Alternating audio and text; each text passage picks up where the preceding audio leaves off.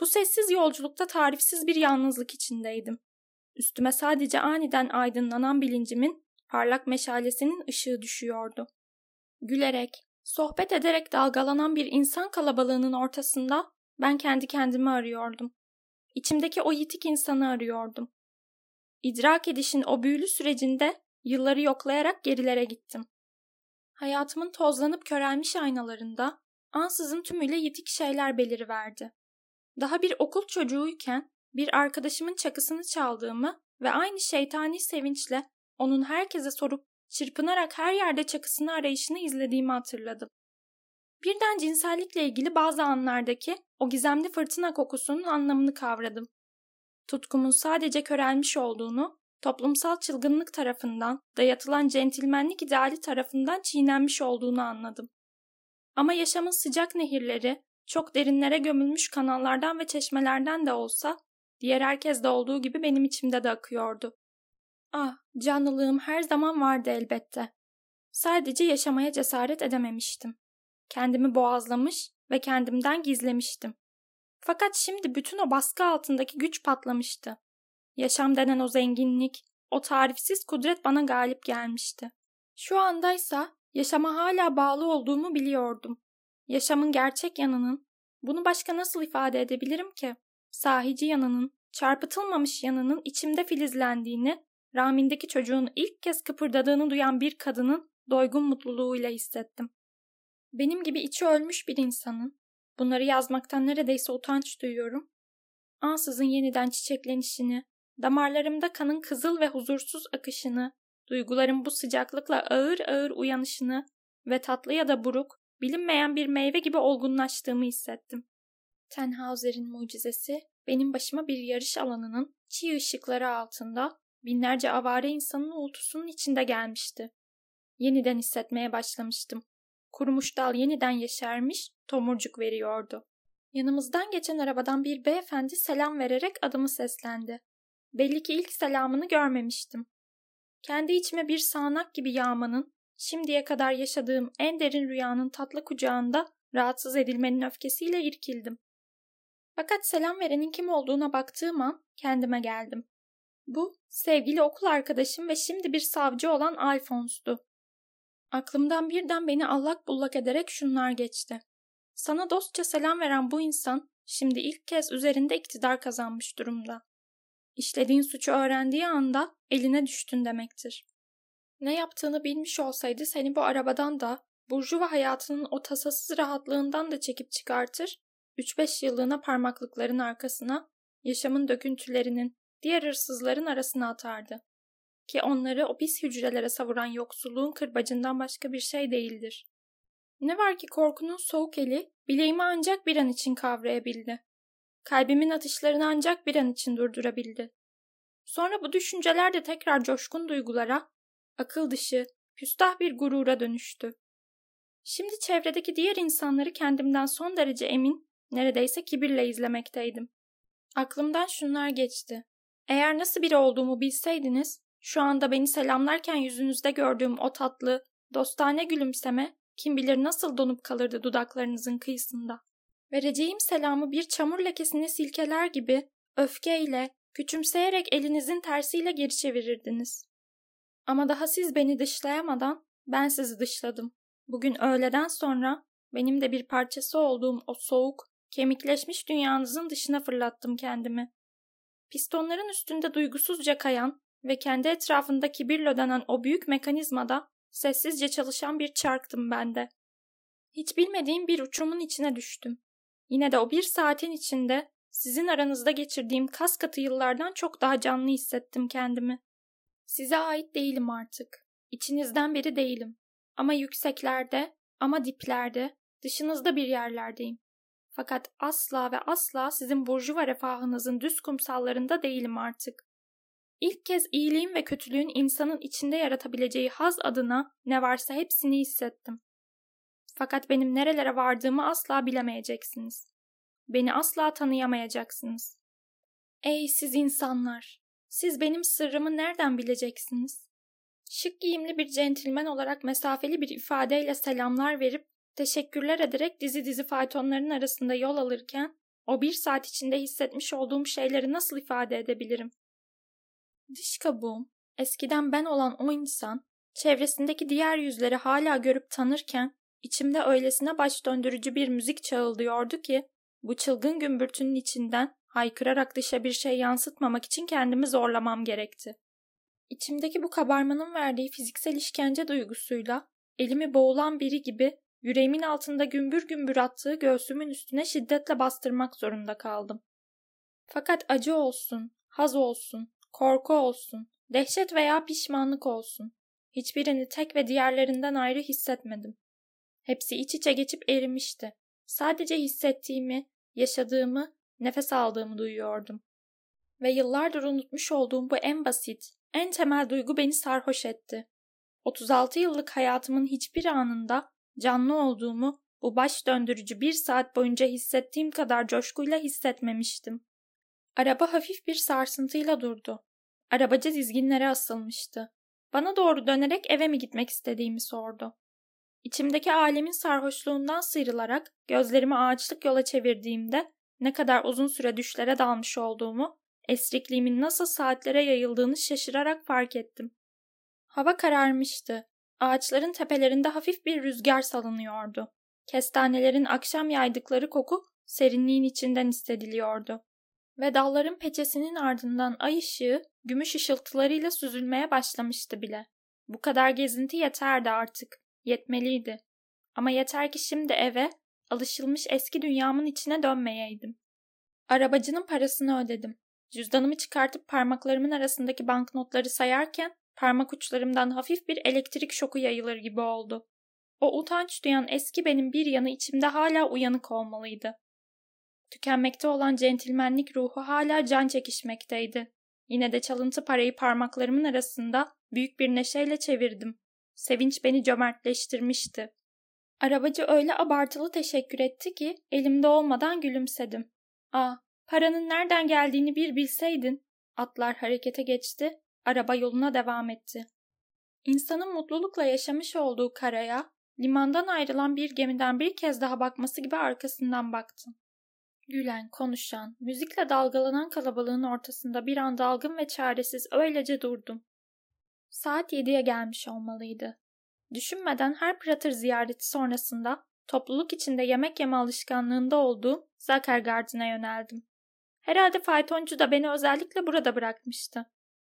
Fakat elit bahçe restoranının kapı ziline dokunduğum anda bir şey beni engelledi. Hayır, bu dünyaya dönmek istemiyordum henüz. Gizemli bir şekilde ruhumu dolduran o muhteşem mayalanmanın kaygısızca sohbetlerin içinde dağılıp gitmesini istemiyordum. Saatlerden beri kendimi zincirlenmiş hissettiğim maceranın kıvılcımlı büyüsünden henüz kopmak istemiyordum. Bir yerlerden boğuk, yolunu şaşırmış bir müzik sesi geliyordu. Elimde olmadan peşine düştüm. Çünkü bugün her şey beni cezbediyordu. Kendimi tümüyle rastlantıya bırakmaktan büyük bir haz duyuyordum. Ve usulca dalgalanan bir insan denizinin ortasındaki bu körlemesine sürüklenişin olağanüstü bir cazibesi vardı. Kanım bu fokurdayan sıcak, kıvamlı insan bulamacının içinde iyice kabarmıştı. Bir anda yay gibi gerilmiş, uyarılmıştım. Bu insan nefesi, toz, ter ve tütün karışımı geniz yakan dumansı kokunun içinde bütün duyularım sonuna kadar açılmıştı. Çünkü önceleri, hatta daha dün, kusursuz bir centilmen olarak yaşamım boyunca kibirle kaçındığım adi, bayağı ve avam bulduğum her şey yeni uyanan içgüdülerimi büyülercesine çekiyordu. Sanki hayvansı, dürtüsel ve bayağı olanla kendi aramda ilk kez bir yakınlık hissediyordum. Burada şehrin döküntülerinin, askerlerin, hizmetçi kızların, serserilerin arasında kendimi bir şekilde iyi hissediyordum ve bu benim için tümüyle anlaşılmaz bir şeydi. Soluduğum havadaki geniz yakan kokuyu bir çeşit hazla içime çekiyordum. Yumak olmuş bir kalabalığın içinde iteklenip sıkıştırılmak hoşuma gidiyordu. Ve içinde bulunduğum anın beni iradem dışında sürükleyeceği noktayı şehvetli bir merakla bekliyordum. Ayak takımının pratırından gelen zil ve trompet sesleri giderek tizleşip yükseliyor, müzik dolapları tek düze bir ritimle sert polkalar ve hareketli valsler çalıyorlardı. Bunlara barakalardan gelen boğuk darbe sesleri, çıngıraklı kahkahalar, dağınık sarhoş naraları karışıyordu. Ve şimdi de çocukluğumun atlı karıncalarının çılgın ışıklarının ağaçların arasında döndüklerini görüyordum. Meydanın orta yerinde durup bütün o patırtının ruhuma çarpmasını, gözlerimi, kulaklarımı doldurmasını bekledim. Bu gürültü çağlayanı, bu cehennemi kargaşa bana iyi geliyordu. Çünkü bu patırtıda benim içimdeki tufanı dindiren bir şeyler vardı. Hizmetçi kızların adeta cinselliklerini de çınlatan çağıltılı zevk kahkahaları atarak eteklerini savura savura salıncakların üzerinde göklere yükselişlerini, kasap çıraklarının ağır balyozları güç ölçme aletinin üstüne gülerek indirişlerini, çığırtkanların müziğin gürültüsünü bastırmaya çalışarak kısılmış sesleri ve maymunsu jestleriyle oradan oraya koşturmalarını seyrettim. Bütün bunlar kalabalığın, binlerce sesin birbirine karıştığı, aralıksız hareket eden, kalitesiz müzikle esrimiş bedeniyle, ışıkların titreşmeleriyle ve kendi bir arada oluşlarının sıcak hazzıyla nasıl da ağdalanarak karışıyordu. Kendi aymazlığımdan kurtulduktan sonra birden başkalarının yaşamlarını da hissetmeye başlamıştım. Milyonluk kentin kızışmışlığını, kendini hararetle ve yüklenmiş bir halde pazar akşamının şu birkaç saatini akıtışını, kendi doluluğundan uyarılarak karanlık, hayvansı ama bir şekilde de sağlıklı ve dürtüsel bir haz duyduğunu hissediyordum. Ve bu sıcak, tutkulu, sıkış tıkış bedenlerle sürekli temas halinde olmaktan ve onlara sürtünmekten, o ateşli kösnüllüğün yavaş yavaş bana da geçmeye başladığını fark ettim. Keskin kokuların uyardığı sinirlerim gerilerek bedenimin dışına uzanmıştı adeta. Duyularım gürültünün içinde sarhoşlukla kıpırdıyor ve her güçlü hazda karışması kaçınılmaz olan o alt üst edici esrimeyi hissediyordu. Yıllardan beri ilk kez, belki de hayatımda ilk kez kitleyi hissediyordum. Benim onlardan kopuk, ayrı varlığımı haz akıtan bir güç olarak insanları hissediyordum. Bir set yıkılmıştı ve damarlarımdan bir şeyler bu dünyanın içine akıyor, sonra ritmik olarak geri dönüyordu. Şimdi içimi yepyeni bir tutku kaplamıştı. Onlarla aramdaki son ince zarı da yırtmak, onlara karışmak istiyordum. Bu ateşli, yabancı, kaynama halindeki insanlıkla çiftleşmek için dayanılmaz bir istek duyuyordum. Bir erkeğin hazzıyla bu ateşli, dev bedenin fokurdayan kucağına yerleşme arzusu duyarken, dişil bir haz da beni her temasa, her seslenişe, her çağrıya, her kucaklamaya açık hale getiriyordu. Artık bana ne olduğunu biliyordum. İçimde aşk vardı ve sadece yeni yetmelik günlerinin o karmaşası içinde duyulabilecek türden bir aşk gereksinimi vardı.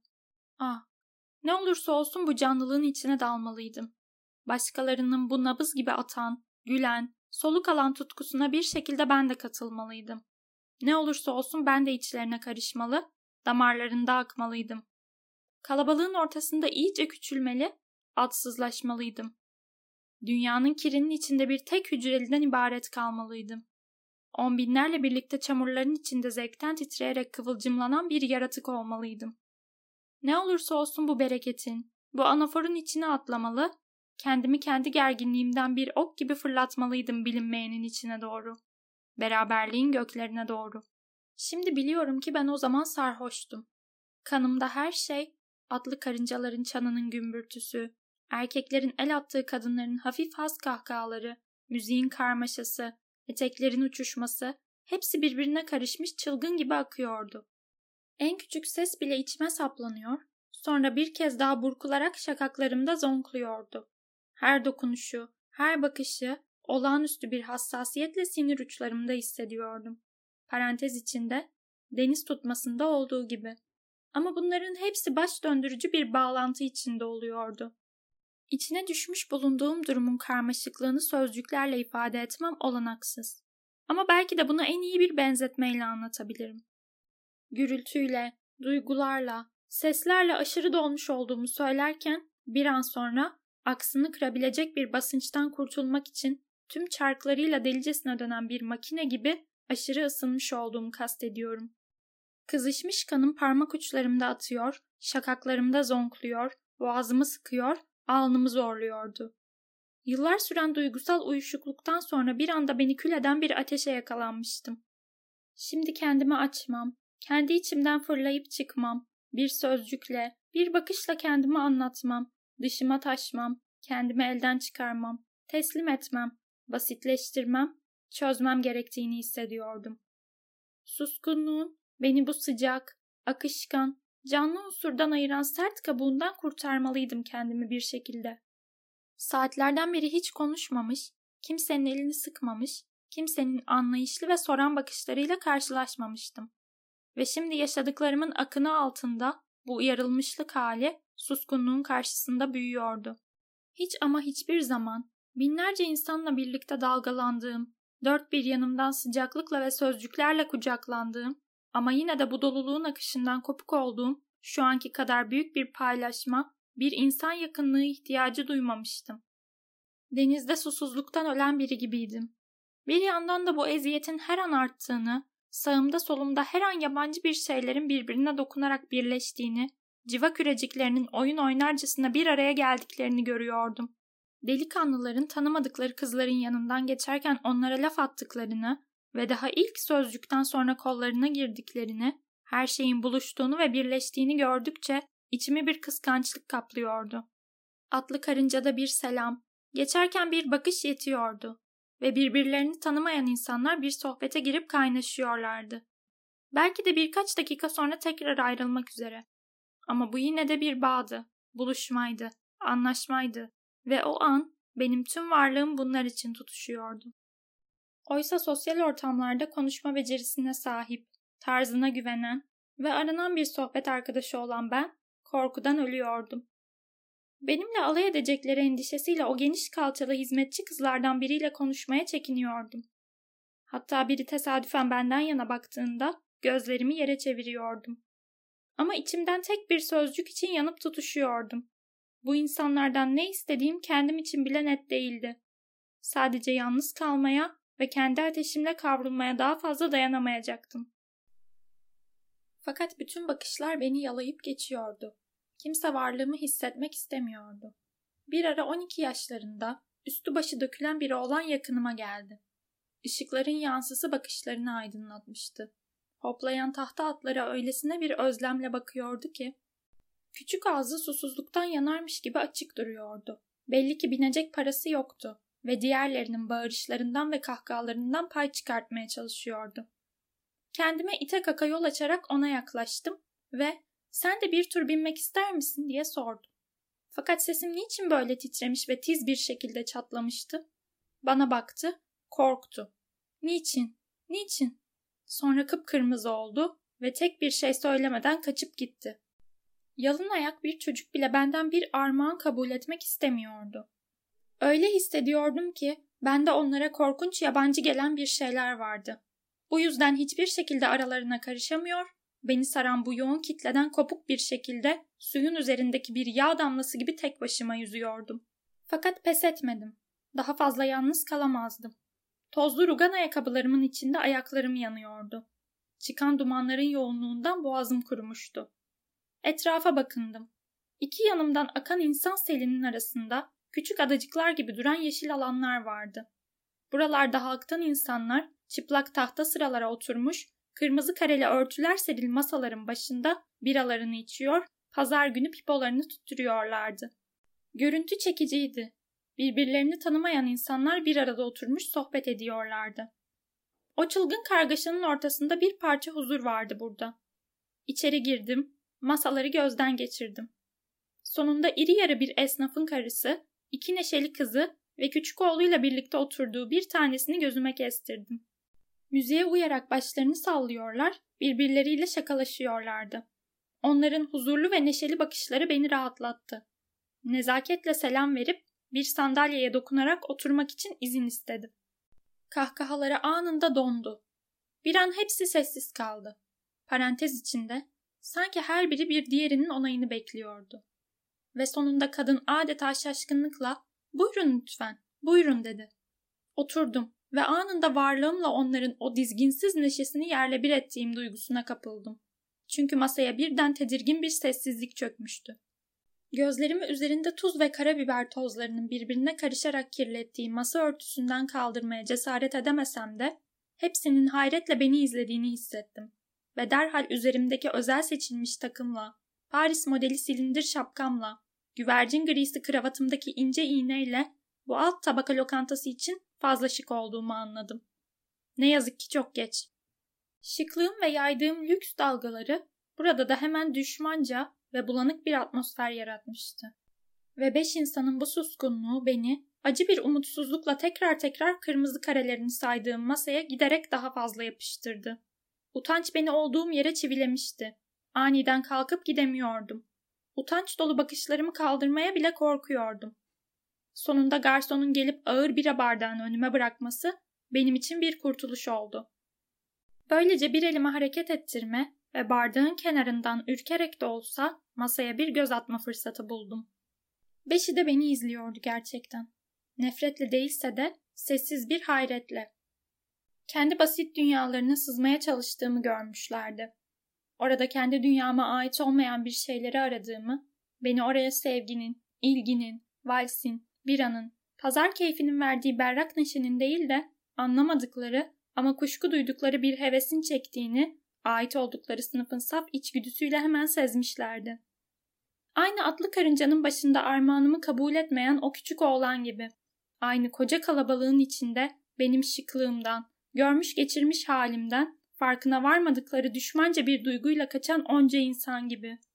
Yine de onlara söyleyebilecek basit, yürekten, gerçekten insanca iki sözcük bulabilsem, babanın veya annenin bana karşılık vereceklerinden, kızların hoşnutlukla gülümseyeceğinden, oğlanla atış barakalarından birine gidip çocukça eğlenebileceğimden emindim.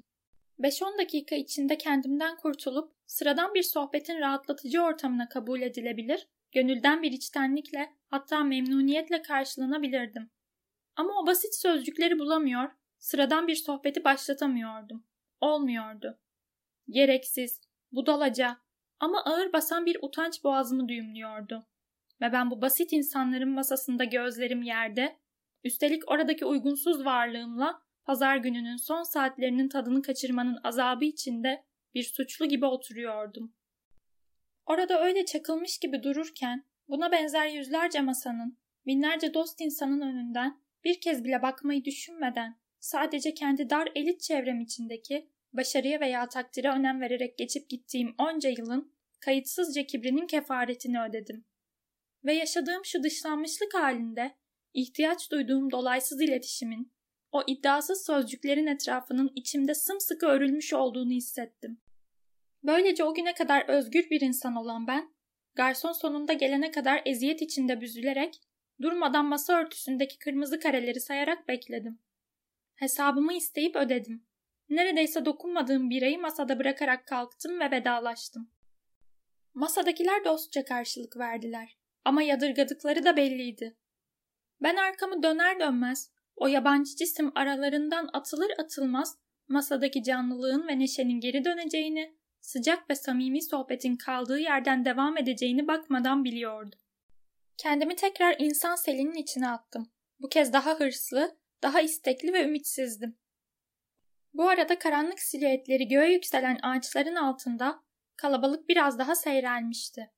Artık atlı karıncaların ışıklarının altında eskisi kadar yoğun ve hareketli bir kaynaşma yoktu. Yalnızca meydanın en dış kenarında belli belirsiz bir kımıltı hissediliyordu. Ayrıca kalabalığın derin, fokurtulu, adeta has soluyan uğultusu da küçük küçük sesler halinde çözülmüştü ve bir yerlerde müzik ayrılanları tekrar geri çağırmak istercesine şiddetle ve taşkınca yükseldiğinde hemen dağılıp gidiyordu.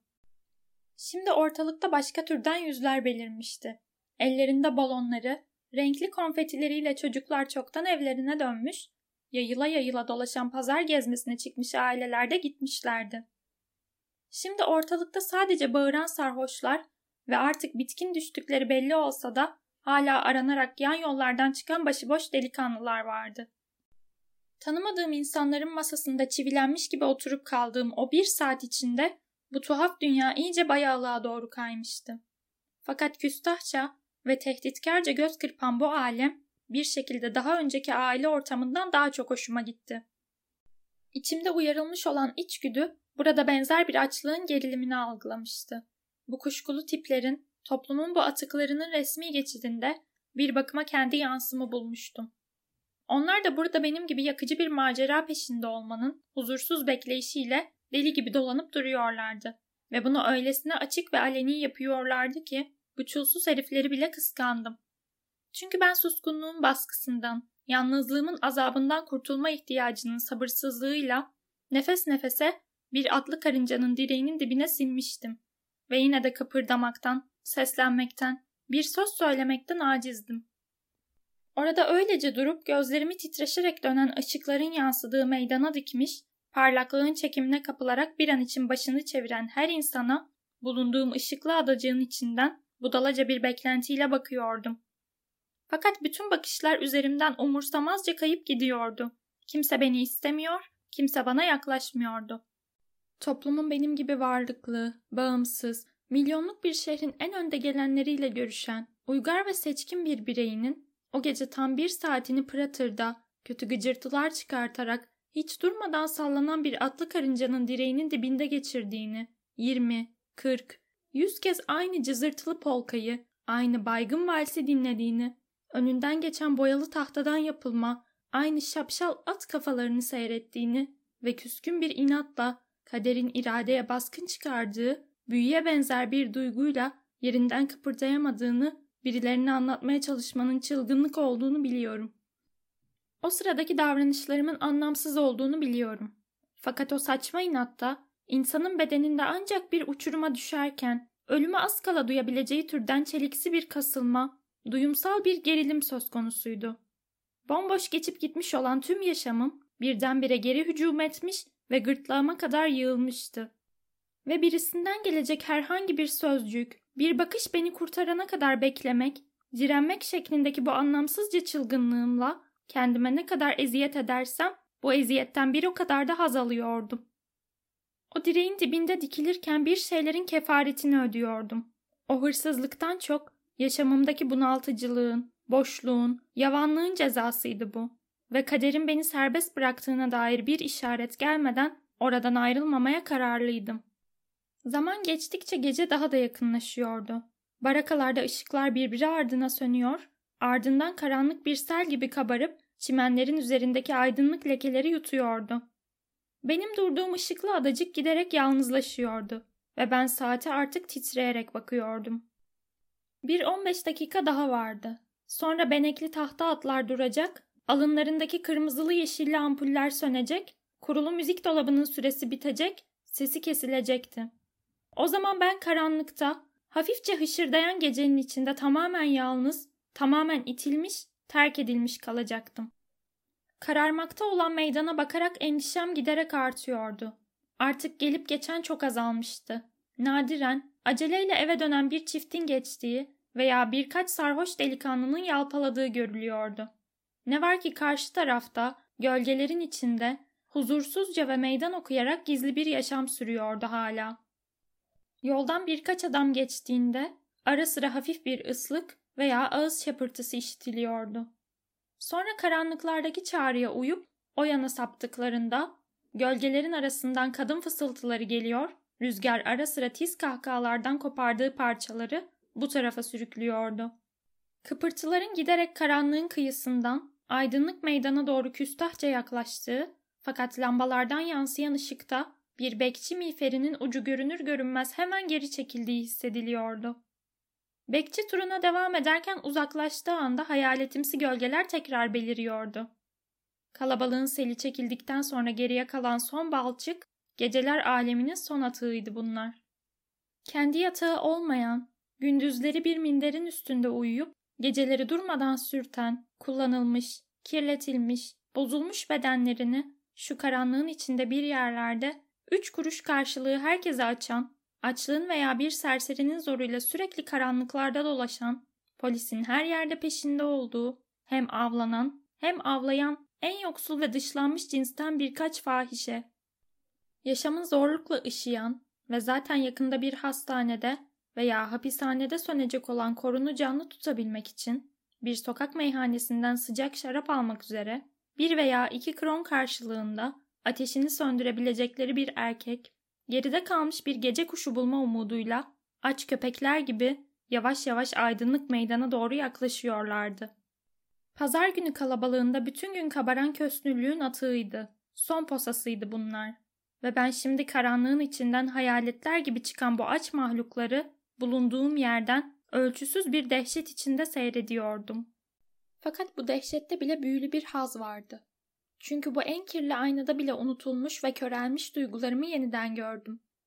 Burada yıllar önce içinden çoktan geçip gittiğim ve şimdi yeniden fosforlanarak duyularımda kıvılcımlanan derin, bataklık bir alem vardı. Bu olağanüstü gecenin ansızın karşıma çıkarttıkları, kapanıp kalmış ruhumun birdenbire açılması, geçmişimin en karanlık yıllarının, en gizli dürtülerimin şimdi apaçık karşımda duruyor olması tuhaftı.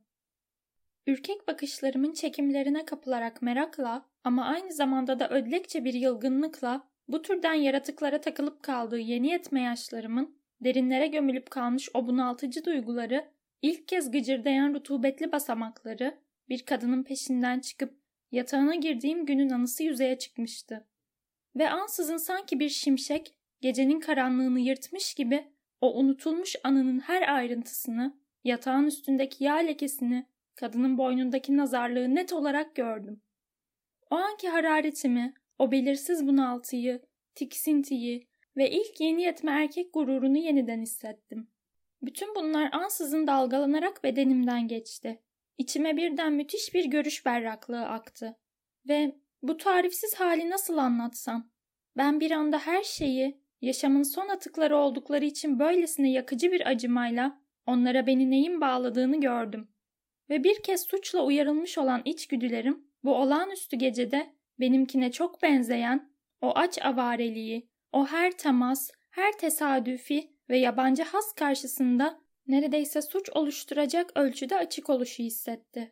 Karanlığın içinde başka varlıklar, insanlar da olduğunu, nefes alan, konuşan, başkalarından, belki benden de ki benim beklediğim sadece kendimi sunmaktı. Çılgınca bir istekle insana kavuşmak için tutuşuyordum. Bir şeyler bekleyen birileri olduğunu hissedince büyülenmiş gibi onlara doğru çekildim. Cüzdanımdaki çalıntı para göğsümün üstünde birden ateş gibi yanmaya başladı. Ve erkekleri böyle kadınlara neyin çektiğini birden anladım. Sebep kanın kaynamasından, arzunun kabarmasından çok, aksi takdirde aramızda yükselen ve benim ateş almış duygularımla bugün ilk kez algıladığım dehşet verici bir yabancılık duygusu, yalnızlık korkusuydu yalnızca. Bu boğucu duyguyu en son ne zaman hissettiğimi hatırladım. İngiltere'de, Manchester'daydı. Işıksız bir göğün altında yaşayan, bir metro gibi gürültüye boğulmuş ama aynı zamanda insanın gözeneklerinden içine kadar işleyen yalnızlıktan buz kesmiş, o çeliksi şehirlerden birindeydi. Orada üç hafta akrabalarımın yanında kalmış, barlarda, kulüplerde, her gece tek başıma rastgele dolaşmış ve biraz olsun insan sıcaklığı hissetmek için durup durup hep aynı ışıltılı müzikole gitmiştim. Ve bir akşam orada böyle birini buldum. Konuştuğu sokak İngilizcesini neredeyse hiç anlamıyordum. Ama kendimi birdenbire bir odada bulmuştum. Yabancı dudaklardan kahkahalar içiyordum.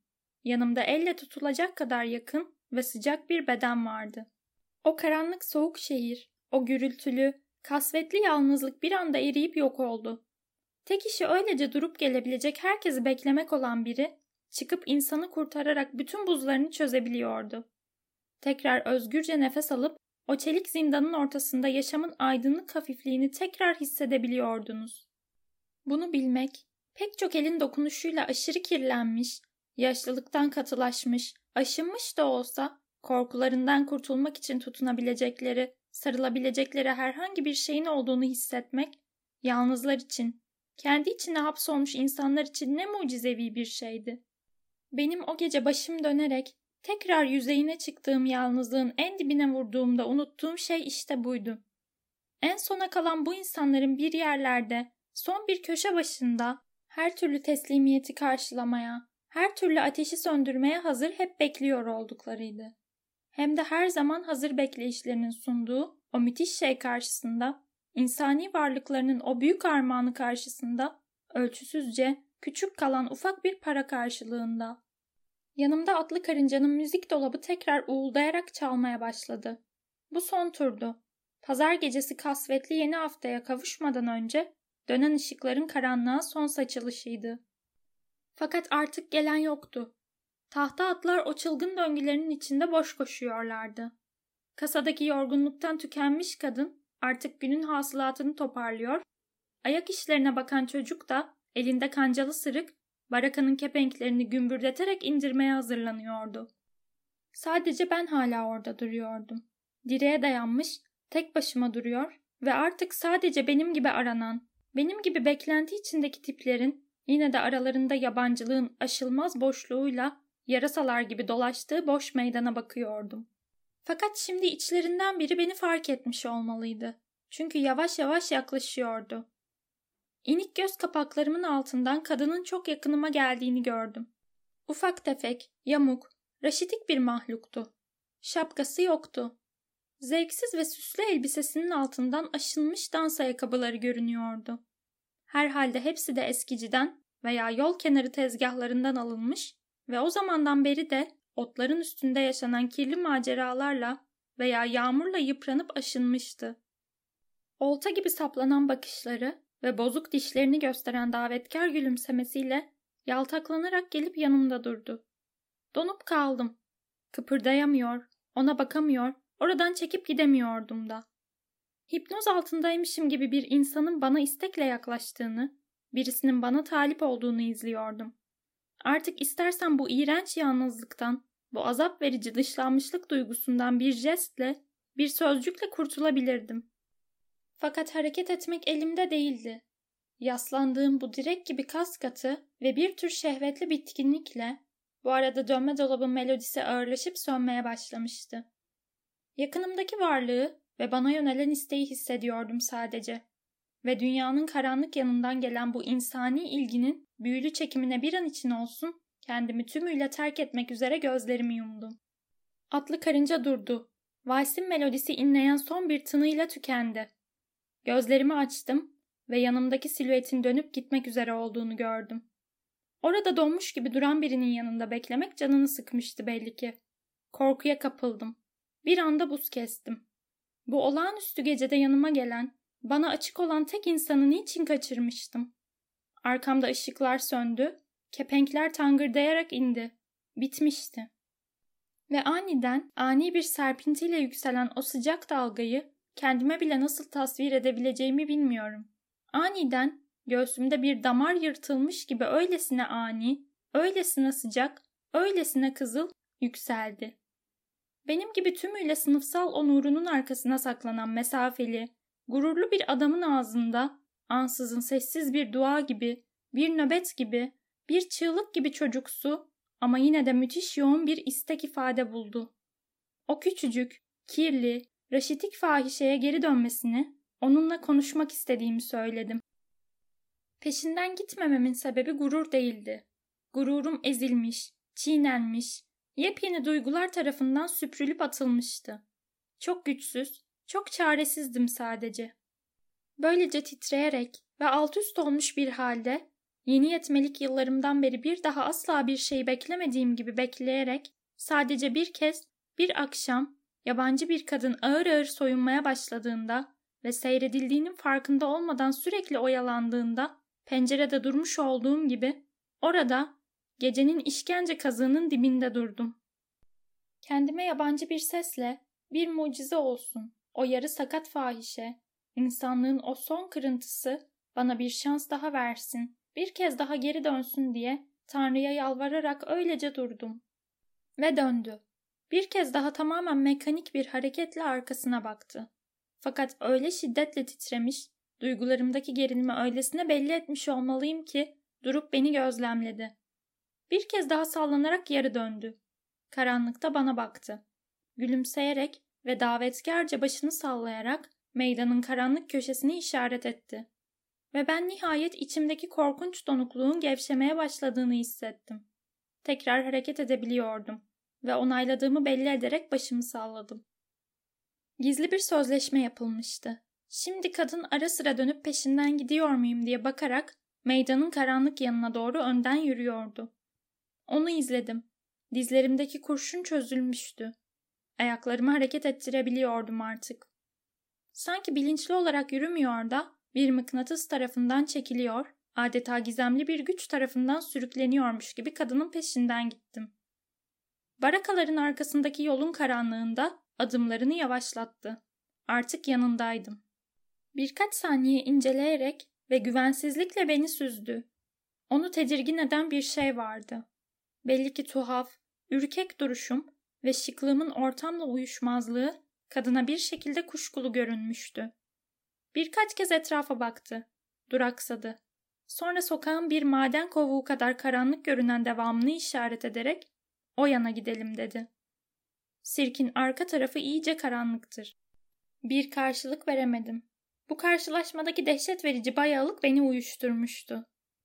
Aslında oradan kurtulmayı, biraz parayla, küçük bir bahaneyle özgürlüğümü satın almayı yeğlerdim.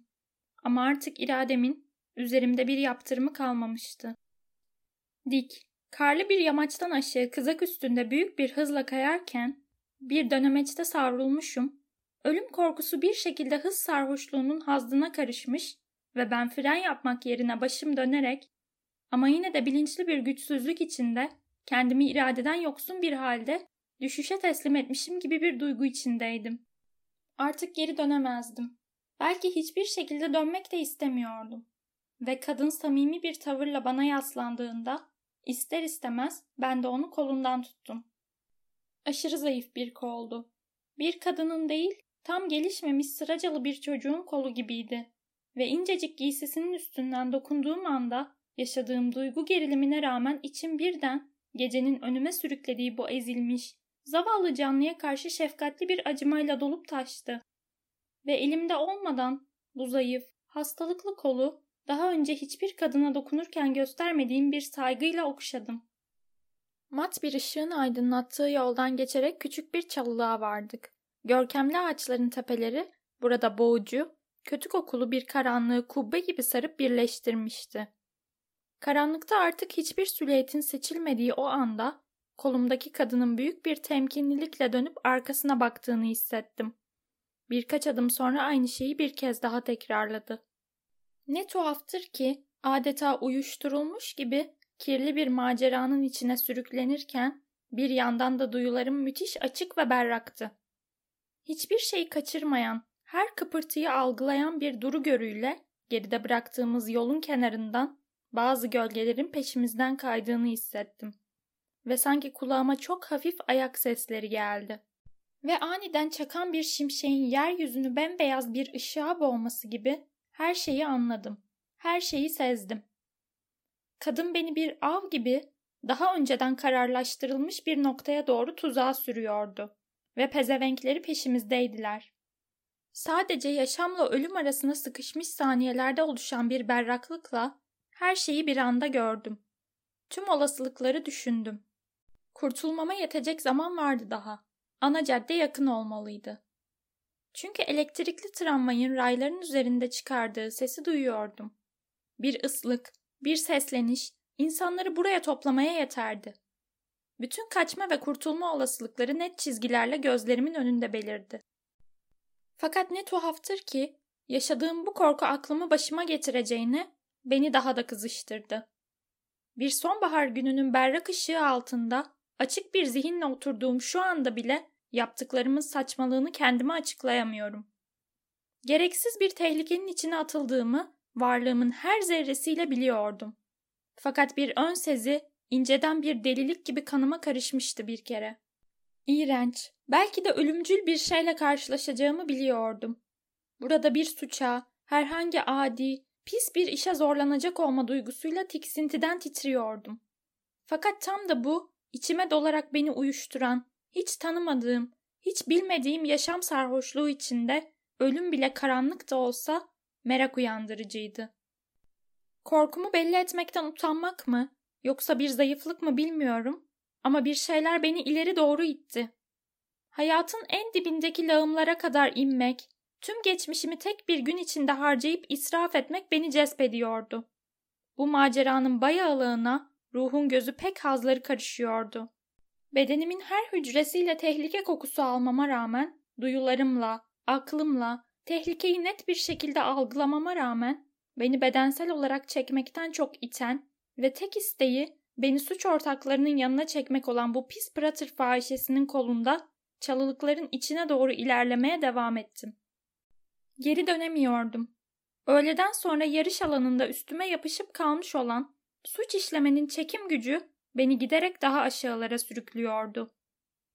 Artık sadece uyuşukluğumu ve yeni derinliklere, belki de sonuncusuna doğru, ölüme doğru savrulmanın baş döndürücü esrikliğini hissediyordum. Birkaç adım sonra kadın durdu. Bakışları tekrar güvensizlikle çevrede dolaştı. Sonra beklentiyle bana baktı. Ee, bana ne armağan edeceksin bakalım? Tabii ya, bunu unutmuştum. Fakat soru aklımı başıma getirmedi. Aksine bir şeyler verebileceğim, kendimden bir şeyler saçabileceğim için sevinç duydum. Aceleyle cüzdanımı çıkarttım. Gümüş bozukluklar, birkaç buruşuk banknot, ne varsa açık tuttuğu avcuna boşalttım. İşte o zaman düşündüğümde bugün bile hala kanımı kaynatan olağan dışı bir şey oldu. Ya bu zavallı miktarın büyüklüğünden şaşkına dönmüştü, yaptığı kirli iş için sadece bozukluk almaya alışkındı normalde. Ya da benim veriş tarzımda, parayı telaşla, hızla, neredeyse mutlulukla verişimde alışkın olmadığı farklı bir şey görmüştü. Çünkü geri çekildi ve büyük bir hayret içinde bakışlarıyla beni aradığını hissettim. Bütün gece yana tutuşu aradığım şeyi bulmuştum sonunda. Birisi bana ihtiyaç duyuyor, beni arıyordu. İlk kez bu dünyaya ait birisi için var olduğumu hissediyordum. Tam bu en dışlanmış varlık, zavallı tüketilmiş bedenini karanlığın içinde bir mal gibi taşıyan bu kadın bana yanaşmış, gözleriyle beni arıyor, benim içimdeki insanı soruyordu. Bu hal benim aynı zamanda hem ayık, hem esrik, hem berraklık, hem büyülü bir bulanıklık hissettiren tuhaf sarhoşluğumu daha da arttırdı. Şimdi bu yabancı varlık yanıma biraz daha yaklaşmıştı.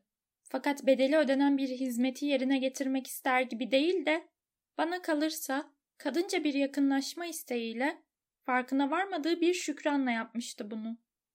O çocuk kolu gibi cılız, raşitik kolunu yavaşça tuttum ve ufak tefek çarpık bedenini hissettim.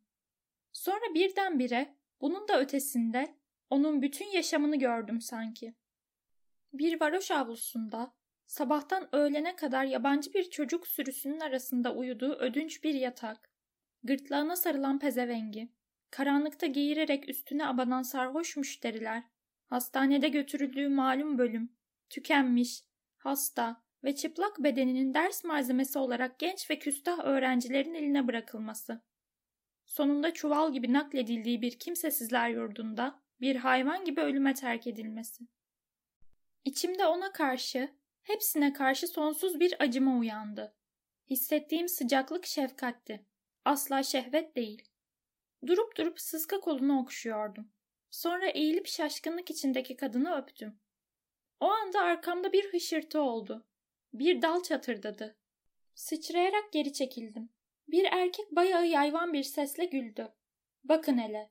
Tam düşündüğüm gibi. Daha arkama dönüp bakmadan kim olduklarını biliyordum. Bütün o uyuşukluğumun içinde bile etrafımın sarılı olduğunu bir an olsun unutmamış, gizemli bir zindelikteki merakımla onları beklemiştim. O sırada bir gölge, çalılıkların arasından öne çıktı. Onu bir ikincisi izledi. Küstah, Yabani olanlardı ikisi de. O bayağı gülüş tekrar duyuldu. Burada pis işler çevirmek, ne adilik. Elbette kibar bir beyimiz. Ama şimdi biz onu hoplatmasını biliriz. Hiç kıpırdamadan durdum. Şakaklarımdaki damarların attığını hissettim. Korku duymuyordum. Sadece olacakları bekliyordum. Nihayet dibe varmıştım. Bayağılığın son noktasına. Artık sırada çarpıp parçalanma vardı. Yarı bilinçli sürüklendiğim sona yaklaşmıştım. Kız yanımdan kaçmış ama diğerlerinin yanına da gitmemişti. Ortada bir yerlerde duruyordu. Anlaşılan bu planlı baskından pek hoşnut değildi. Adamlar da benim tepkisizliğim karşısında öfkelenmeye başlamışlardı. Birbirlerine bakıp duruyorlardı. Belli ki karşı çıkmamı, yalvarmamı veya bir korku belirtisi göstermemi bekliyorlardı. Aha, bu bir şey demeyecek diye tehditkarca seslendi sonunda biri. Diğeri üstüme yürüyerek buyurgan bir sesle bizimle karakola kadar geleceksin dedi. Hala bir karşılık vermiyordum.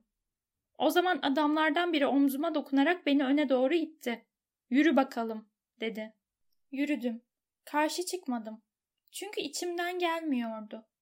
Durumun benzersizliği, bayağılığı, tehlikesi beni uyuşturmuştu. Ne var ki zihnim son derece açıktı.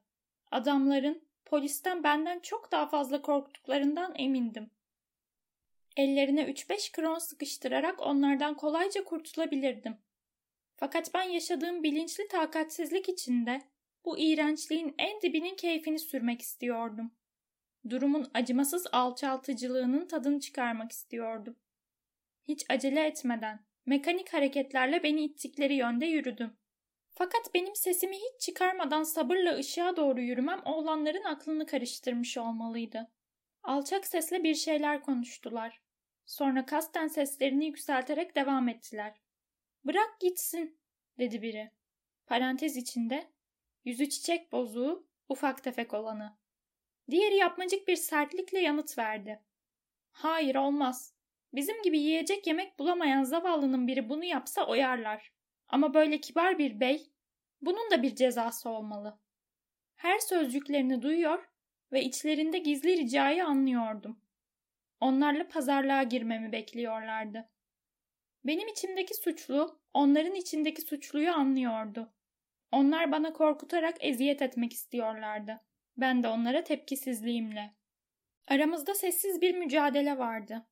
Ah, ne bereketli bir geceydi.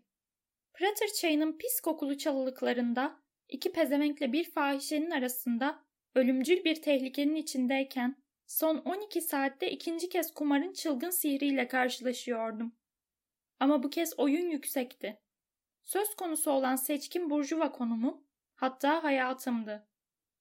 Ve ben bu muazzam oyuna, rastlantının o ışıltılı büyüsüne, kopacak kadar gerilmiş, titreyen sinirlerimin tüm gücünü kullanarak katılıyordum.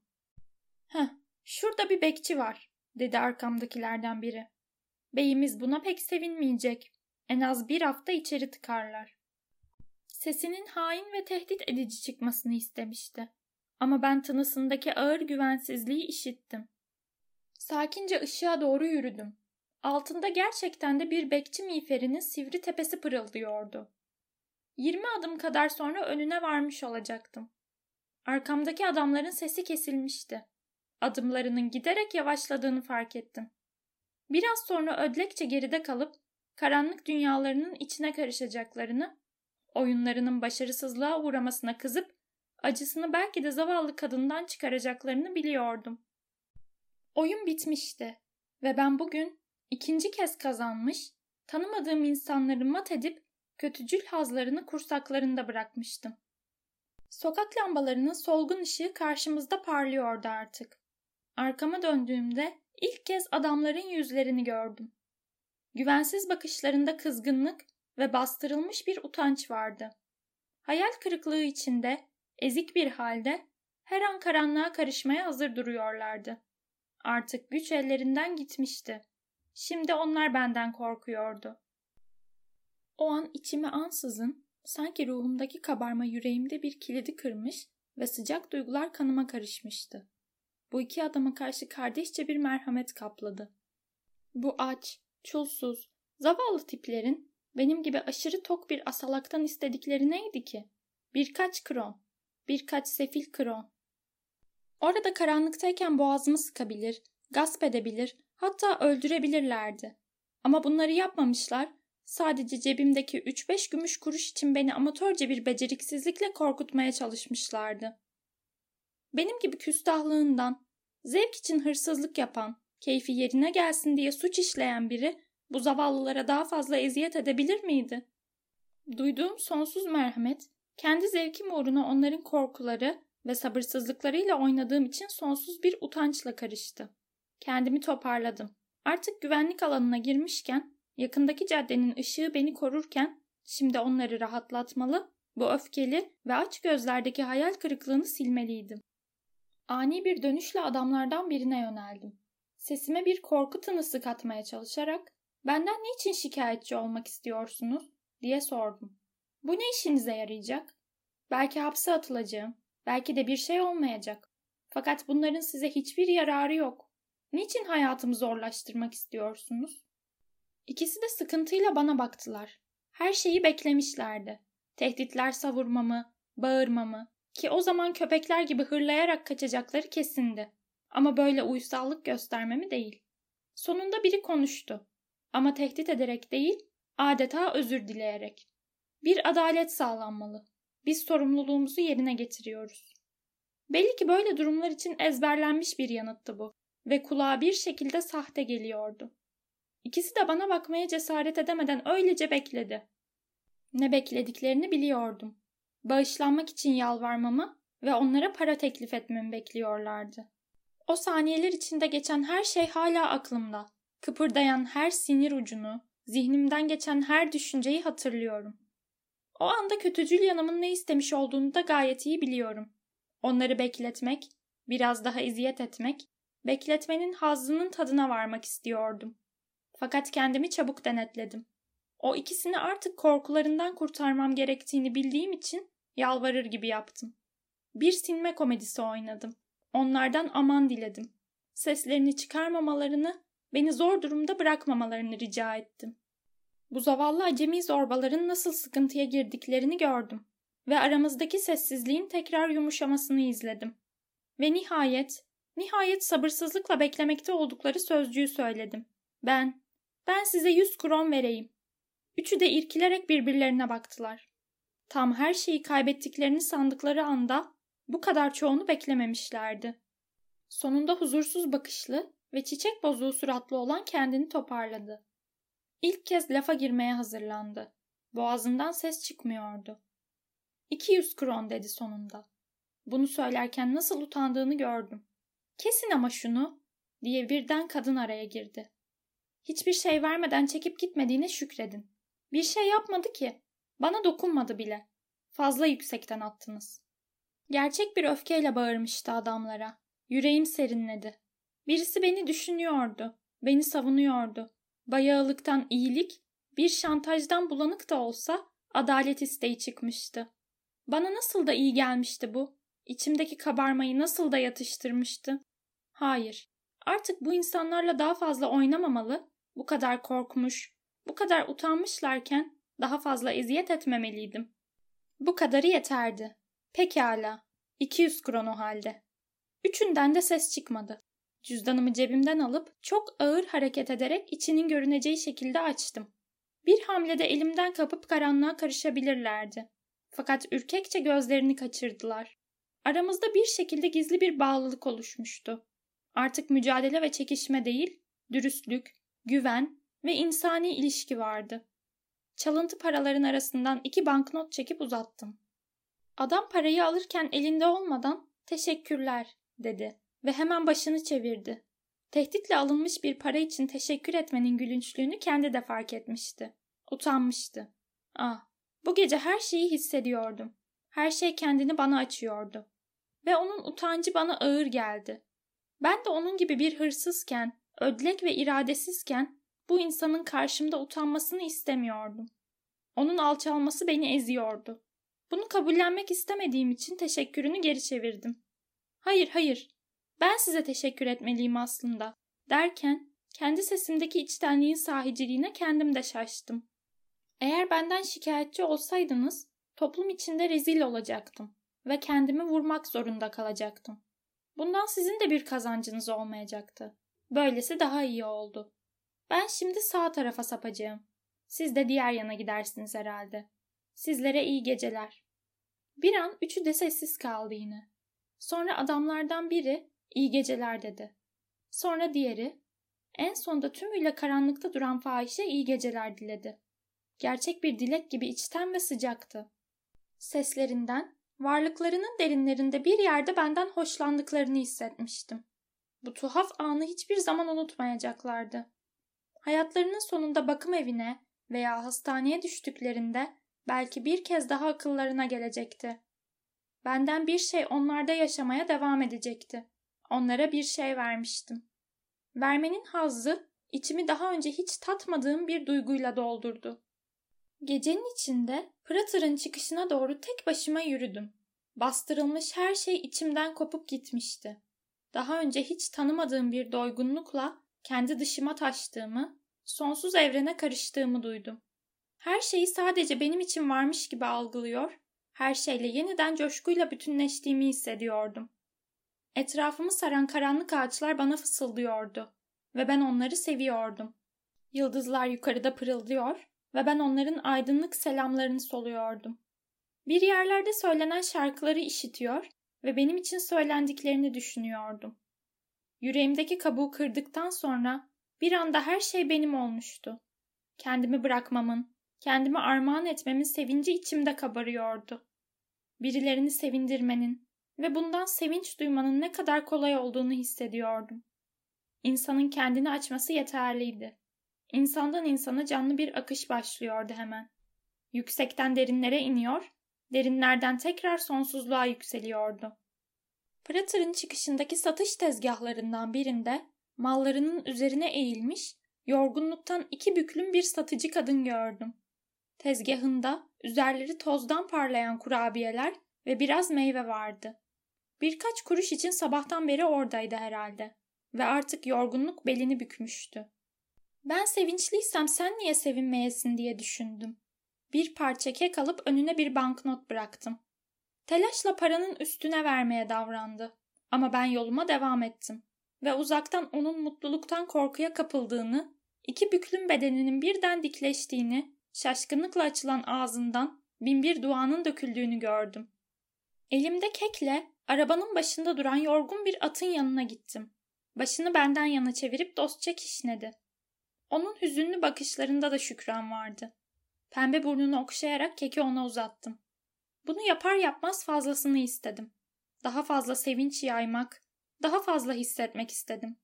Birkaç gümüş bozuklukla, birkaç renkli banknotla korkuları, kaygıları gidermek, ruhları şenlendirmek ne kadar kolaydı. Ortalıkta niçin hiç dilenci yoktu? Balon almak isteyen çocuklar neredeydi? Ak saçlı, somurtkan, aksak bir baloncu, elinde koca bir demet renkli balonla topallaya topallaya evine dönüyordu artık. Gün boyu yaptığı işten memnun olmadığı belliydi. Yanına gittim. Balonları alıyorum dedim. Tanesi on kuruş dedi güvensizlikle. Böyle iki dirhem bir çekirdek dolaşan bir aylığın gece yarısı balonlarla ne yapacağını anlamamıştı. Hepsini verin deyip eline bir on kronluk sıkıştırdım. Sendeleyerek doğruldu. Bir an gözleri kamaşmış gibi yüzüme baktı. Sonra balon demetini tutan ipi titreyerek elime tutuşturdu. Elimdeki ipin gerildiğini hissettim. Balonlar kaçıp gitmek, özgür olmak, gökyüzüne varmak istiyorlardı. Gidin o halde. Nereye istiyorsanız oraya uçun. Özgürsünüz. İpi elimden bıraktım ve onca balon bir anda renkli aylar gibi gökyüzüne yükseldi. Her yandan insanlar gülerek koşturup geldi. Karanlığın içinden sevgililer çıktı. Arabacılar kamçılarını şaklatarak birbirlerine ağaçların üzerinden evlere ve damlara doğru özgürce süzülen balonları gösterdiler. Herkes neşeliydi. İnsanları sevindirmenin bu kadar iyi ve kolay olduğunu niçin daha önce hiç anlamamıştım? Cüzdanımdaki banknotlar tekrar ateş gibi yanmaya başladı. Az önce balonların ipini zorladığı gibi şimdi onlar da parmaklarımı çekiştiriyordu. Onlar da beni terk edip bilinmeze doğru uçmak istiyordu.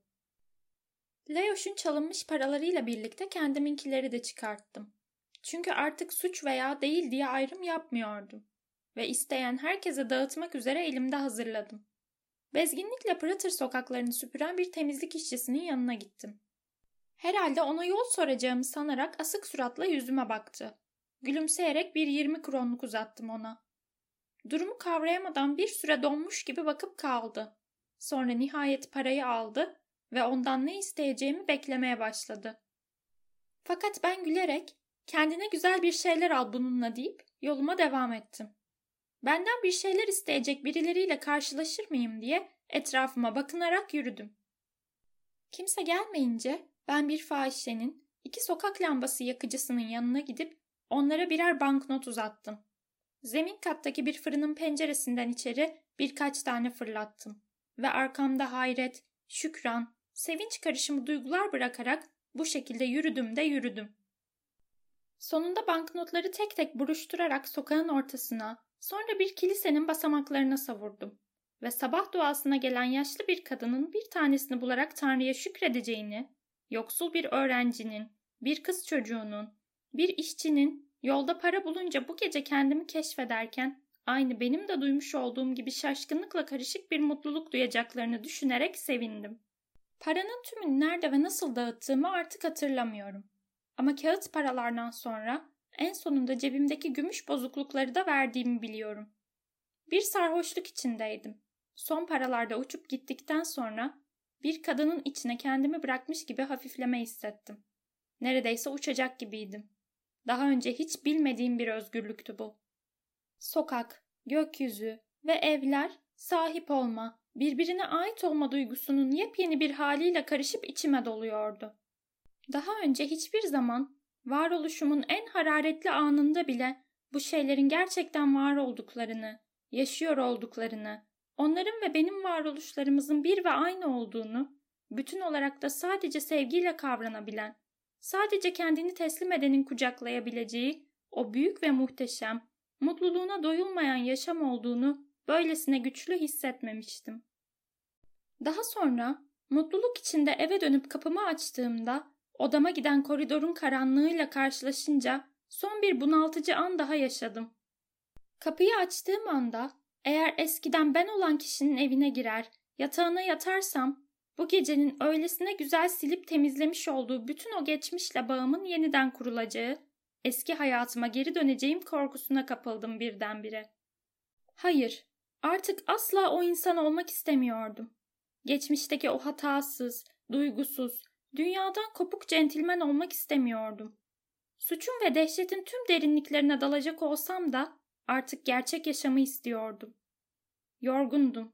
Tarif edemeyeceğim kadar yorgundum. Ama yine de uykunun üstüme kapanarak bu gecenin içimde tutuşturduğu bütün o ateşi, pırıltıyı, canlılığı, karanlık balçığıyla birlikte sürükleyip götürmesinden ve bu yaşadıklarımın fantastik bir düş gibi uçucu olmasından korkuyordum. Fakat ertesi sabah yeni güne neşeyle uyandım. İçime dolup taşan şükran duygusundan hiçbir şey eksilmemişti. O gecenin üzerinden dört ay geçti ve eski donukluğum bir daha geri dönmedi. Güne hala sıcacık duygularla çiçeklenir gibi başlıyorum. Ait olduğum dünyanın zemininin ayaklarımın altından aniden çekildiği, bilinmezliğe yuvarlandığım, kendi içimdeki uçuruma düşerken hızın baş döndürücülüğünün, yaşamın tümünün sarhoşluğuna karıştığı, o gece hissetmiş olduğum o büyülü esrime, o uçurucu heyecan geçip gitti elbette.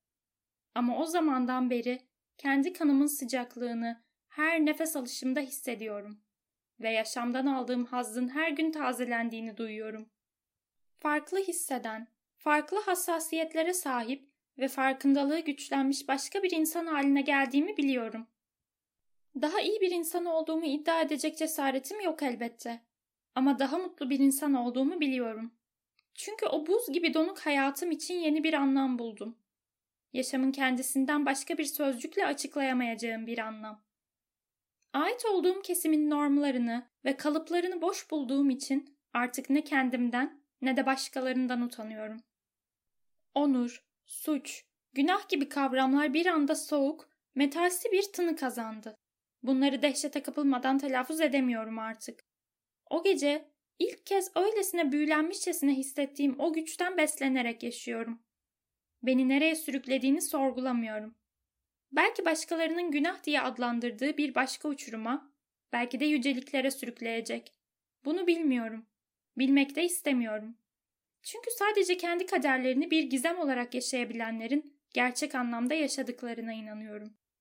Ben yaşamı daha önce hiç bu denli arzuyla yaşamamıştım. Bundan eminim.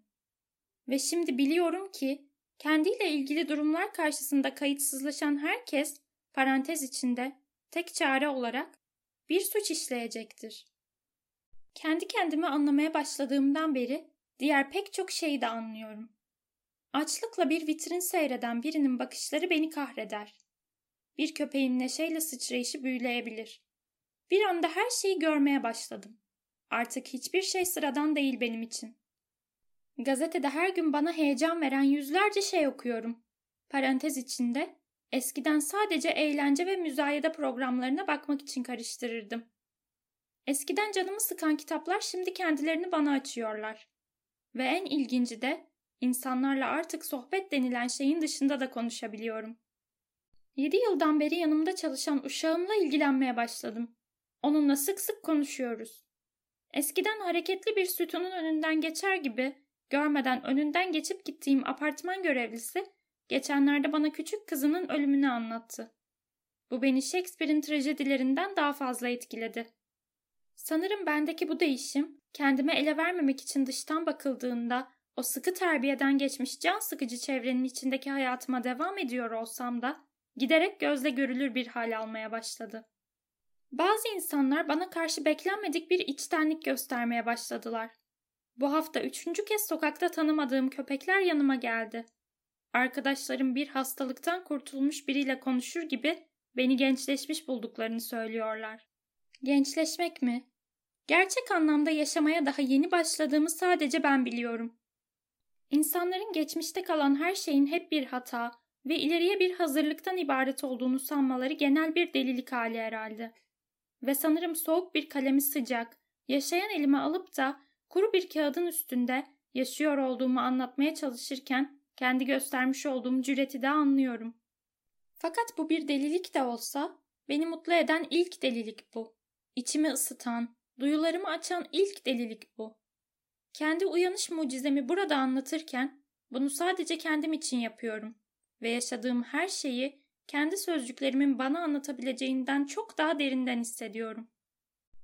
O geceden arkadaşlarımdan hiçbirine söz etmedim. İçimin bir zamanlar ne kadar ölü olduğunu asla bilmediler. Şimdi nasıl çiçek açtığımı da asla anlamayacaklar. Canlılıkla yaşadığım bu hayatın ortasında ölümle karşılaşırsam ve bu satırlar başkalarının eline geçerse de bu olasılık beni hiç korkutmuyor ve üzmüyor. Çünkü öyle bir anın büyüsünü tatmamış olan biri tek bir gece içinde yaşanan ve görünürde birbirleriyle hiç ilgisi olmayan böylesine tesadüfi olayların neredeyse sönmüş bir hayatı bir büyü gibi yeniden ateşleyebileceğini altı ay önce ben ne kadar anlayacak olsaydım ancak o kadar anlayabilir zaten. Böyle birinden utanmam. Çünkü beni anlamaz. Fakat bütünlükten haberdar olan biri yargılamaz ve gururdan kurtulmuştur. Onun karşısında da utanmam. Çünkü beni anlar. Bir kez kendini bulmuş olan kişinin bu yeryüzünde yitirecek bir şey yoktur artık.